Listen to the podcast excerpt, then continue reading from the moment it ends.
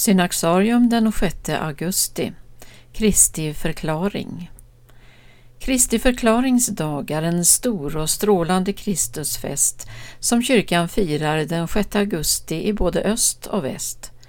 I synnerhet ortodox tradition räknar den som en av kyrkoårets stora högtider. Den började troligen firas i den armeniska kyrkan. Därifrån spred den sig till andra östliga kyrkor men blev inte vanlig i väst förrän på 800-talet.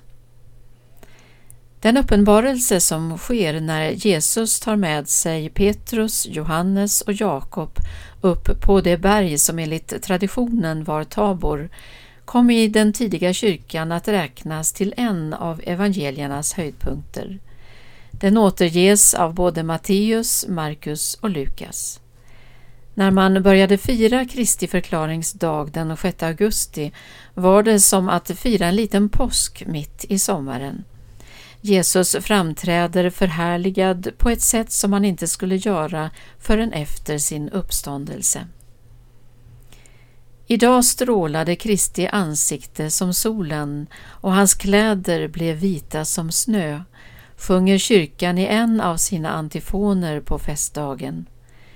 De tre lärjungarna får under några ögonblick, utan slöja för ansiktet, skåda Herrens härlighet sådan den ter sig när tidens hinna blir genomskinlig. Den lyste med ett sken starkare än solens, skriver Basileios av Caesarea och tillägger de räknades alltså värdiga att med egna ögon se den första frukten av hans återkomst. Kristi förvandling är människans förvandling, samtidigt som inkarnationen, Kristi identitet som sann Gud och sann människa, bekräftas på det heliga berget, får gudomligblivandet här sin förklaring. Evangelisten Johannes ord om att vi ska bli lika Jesus när han uppenbarar sig, ty då får vi se honom sådan han är, går i uppfyllelse. I en sky av ljus ser lärjungarna Jesus sådan han är.